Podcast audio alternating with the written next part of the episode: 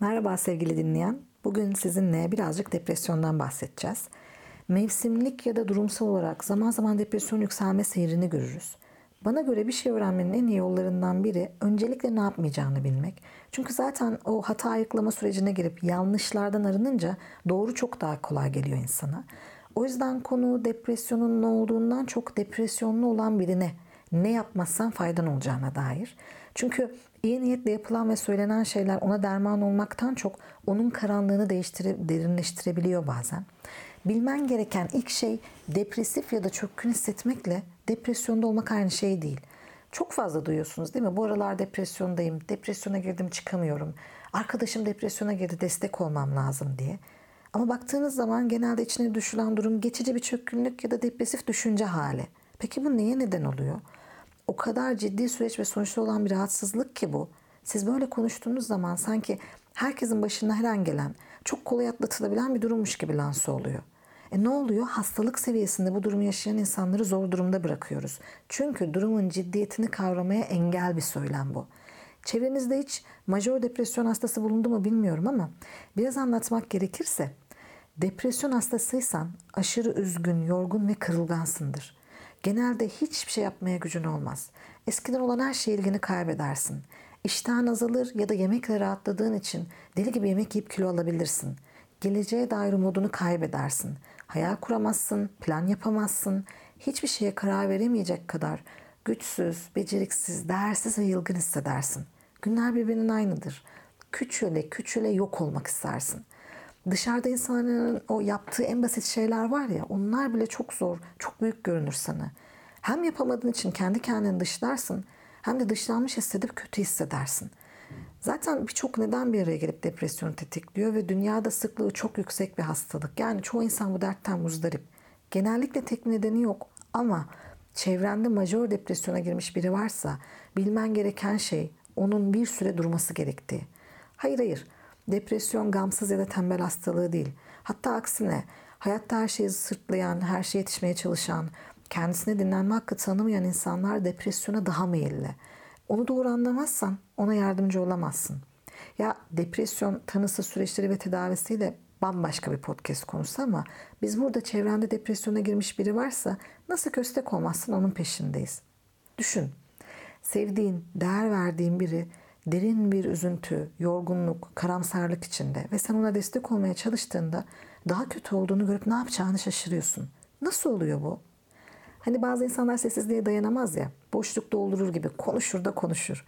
Biliyorum tıpkı sessizliğe katlanamama gibi bazı şeyleri söylemeden, bazı şeyleri yapmadan duramıyorsun ama en azından şu sayacaklarımdan uzak dur. Öncelikle fark ettirmeden ona kendini suçlu hissettirme. O kendini yeterince suçluyor zaten merak etme. Yani parmağını kaldıracak kadar bile hali yokken onu harekete geçirmeye çalışacak iyi niyetli söylemlerin suçluluğunu arttırıyor. Ne gibi? Hadi danışan cümlelerinden örnekler vereyim. İşte kötü düşünceleri kendine çekiliyorsun. Olumsuz enerjiyle hareket etme. Olumsuz enerjiyle hareket ediyorsun. Bak zayıflık sana yakışmıyor. Senin psikolojin zayıf psikolojin. Sen bu durumu sevdin galiba çıkmak istemiyorsun. Gibi cümleler almış başını gidiyor. Şimdi bu düşeni kaldırmaya çalışmak mıdır? Yoksa düşene bir tokat daha atmak mıdır? Psikolojik bir rahatsızlıkla mücadele ediyorlar. Psikolojileri zayıf değil. Bir de üstüne beyinde belli yerleri etkileyip mutluluk hormonu dediğimiz serotonini salgılayamadıkları için terapist yardım yanında ilaç desteğine de ihtiyaç duyuyorlar. Yani hem zihinle hem bedenle mücadele gerekirken sen ona istese de çıkabileceği bir durumda mızmızlandığını söylüyorsun kendisiyle ilgili yetersizim, beceriksizim diye düşünen depresyon hastasının söyleminin altını kalınca çizgiyle çizmek değil midir bu? Düşün ki geçici tek olarak tekerlekli sandalyeye mahkum birisi var. Tedavisini olmaya çalışırken sen yürüyemediği için yükleniyorsun, kızıyorsun ona. Ya da virüslü birini düşün.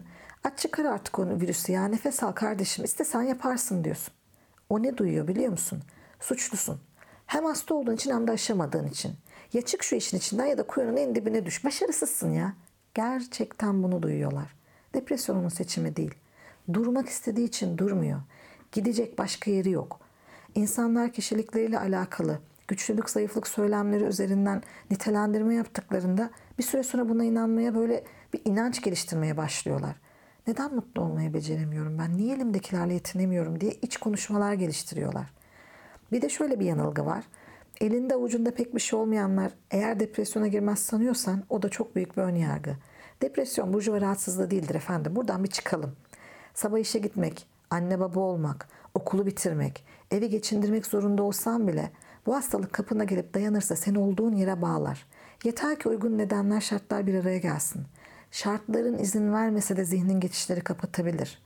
İşe gitsen, ebeveynlik yapıyor görünsen ya da sorumluluk için çabalasan da boşa kürek çekebilirsin.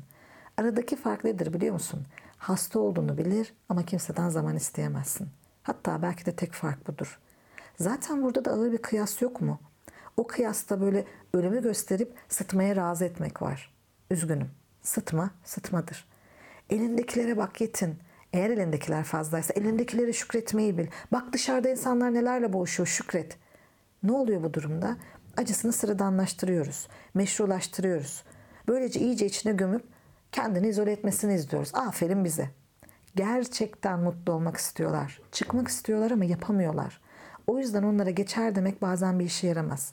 Geçsin istiyor ama geçmeyeceğine inanıyor. Gücü yok çünkü. Ya yüz ifadesine bile sinmiş hastalık baksana. Göz altları çökmüş, morarmış, çizgiler derinleşmiş, solgun ve uzak bir bakış var göz bebeklerinde. Şimdi sen bana kızacaksın belki. Her yaptığımda yanlış mı ya benim? Hayır değil. Biliyorum ayağa kalksın istiyorsun. Sevdiğin birinin bu kadarı çekmesi seni mahvediyor. Ama senin iyi taraflarına bak. Geçer. Ailen var, arkadaşların var. Ayağa kalk diye direttiğin kişi uyuyamıyor. Yediği yemeğin tadı yok. Sabah uyandığı an hala yok olmadığı için üzülüyor ve etrafında gördüğü tek şey karanlık belki. Belki o kadar uzun süre ayakta kalmak zorunda kalmış ki biraz olsun yıkılmaya ihtiyacı var. Güçlü durmak, savaşmak istemiyor. O kadar uzun süre savaşta kalmış ki senin ona savaşması gerektiğini söylemen onu daha da karanlığa sürüklüyor. Kendini bırakıp sana, sevdiklerine sığınmak, sizden bu süre için talepte bulunmak istiyor sadece. Yardım etmek istiyorsan onun da durumu kabul edip yardım istemesi gerektiğini bilmelisin. Eğer ileri düzeyde yaşıyorsa bu durumu hem terapi hem ilaç desteği almalı. En doğru süreç bir şekilde işler. O yüzden yardım almaya hazır olduğunda onu teşvik et ve yardım sürecini takip et ki doğru şekilde yanında olabilesin. Ha o kadar ileri düzeyde değilse ve sen etrafındaysan o talep etmedikçe ona öğüt verme. Belki istediği tek şey sessizlik. Eğer konuşuyorsa dinle. Kelimelerinden çok, ona söyleyeceklerinden çok can kulağıyla dinlediğini belirten gözlerine ihtiyacı var belki. Söylediklerinde merhem olmaya çalışıyorsun ama anlaşıldığını görmek, tüm o hak etmediğini düşündüğü haline rağmen değer görmeye layık olduğunu hissettirmek çok daha iyi gelecek belki ona. Yalnız kalmak istediğinde üzerine düşme. Naz yapmıyor. Üstele diye kesinlikle yapmıyor. Elbette riskli durumları varsa, kendine zarar vermek ya da yalnız kalmakla ilgili e, kötü durumlar varsa hissettirmeden takip edersin. Ama onu boğma. Alan aç ve o alanda yayılmasına izin ver. Çünkü ihtiyacı olan bu. Bırak kendini. Uyuyacaksan uyu, yiyeceksen ye, ağlayacaksan ağla, susacaksan sus de. Ben buradayım ve seni seviyorum. Bunu söylemen ona iyi gelir. Güçlü ve zayıf taraflarıyla sevildiğini bilecek çünkü. Alan tanımak neden önemli biliyor musun sevgili dinleyen? O alanı kendisine zamanında tanımış olsa zaten şu an bu halde olmayacaktı. Ama bunu ona söyleme. Zor durumda olan birilerini biliyorum kötü hissediyorsun denmez. O öyle hissediyor zaten. Bazı şeyleri dillendirmesen de olur. Yanındayım, birlikteyiz. Herkese misafir olarak gelebilir bu rahatsızlık. Herkes yaşayabilir. Hayatta her şey bizim için. Benim de başıma gelebilirdi de. Geçecek, göreceksin. Birlikte atlatacağız. Her şey çok güzel olacak. Bana güven de. Bugün olmak zorunda değil. Ne zaman hasar hissedersen bu misafir gidecek. Biz de ortalığı derleyeceğiz, toplayacağız, keyif çatacağız de.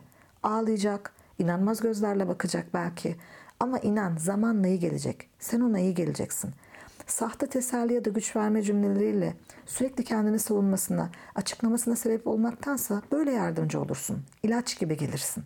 İlaç demişken şayet ilaçları varsa ilk etapta aşırı takatsiz olabilir, bunları takip edebilecek durumda olmayabilir. Gerekirse ilaçlarını sen takip et ve sen almasını sağla. Evini derle topla, yemeğini yap. İlk zamanlar bunları yapabilirsin destek olmak için. Yardım aldıkça ya da daha iyi oldukça yani hazır olduğunu gördüğünde sana katılmasını sağlarsın belki. Bunlara çok ihtiyacı olacak unutma. Ama sakın ha sakın ona büyük hedefler koyma. Hali yok bunu sakın unutma. Seviyorum seni, çok değerlisin, geçecekti. Bazen bir kişinin inanması bile çıkmaz sokaklardan çıkmak için bir insan için yeterlidir. Alın aç ona, bırak debelensin. Ya onca zamandır kendini göz ardı etmiş bu insan. Kendini arka koltuğa atmış. Biliyorum korkuyorsun onun adına.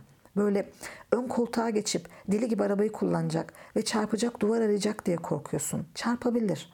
Kötü bir şey değil bazen. Sen duvarı yumuşat. Yastıklar ve pamuklarla beze duvarı ona çaktırmadan. Çarpmanın etkisi olmaz mı? Olur elbet. Ha, yara izleri kötü değil. Evet izi kalır ama ileride bakıp hatırladıkça bir daha bu olmasın diye aklına bir mim koymuş olursun. Çünkü yaralar derslerimizdir. Buna ihtiyacı varsa kolaylaştıran ol, zorlaştıran değil. Biraz empati, biraz ne durumda olduğunu anlamakla oluyor işte her şey. Biraz kelimelerin gücünü anlayıp doğru kullanmakla, biraz nasıl yanında olacağını bilmekle. Kelimeler almayayım. Hangi anlamlarda kullanıyoruz onları? Tehlikeli oyunlar döner kelimelerde sevgili dinleyen. Oralara girmemek, girdiysek tehlikeli oyunlardan çıkmak lazım. Ta ki tutunamayanlar tutunacak gücü bulana dek. O zaman bir sonraki podcast'e kadar sağlıkla kalın, güvende kalın, bizi takipte kalın, hoşça kalın.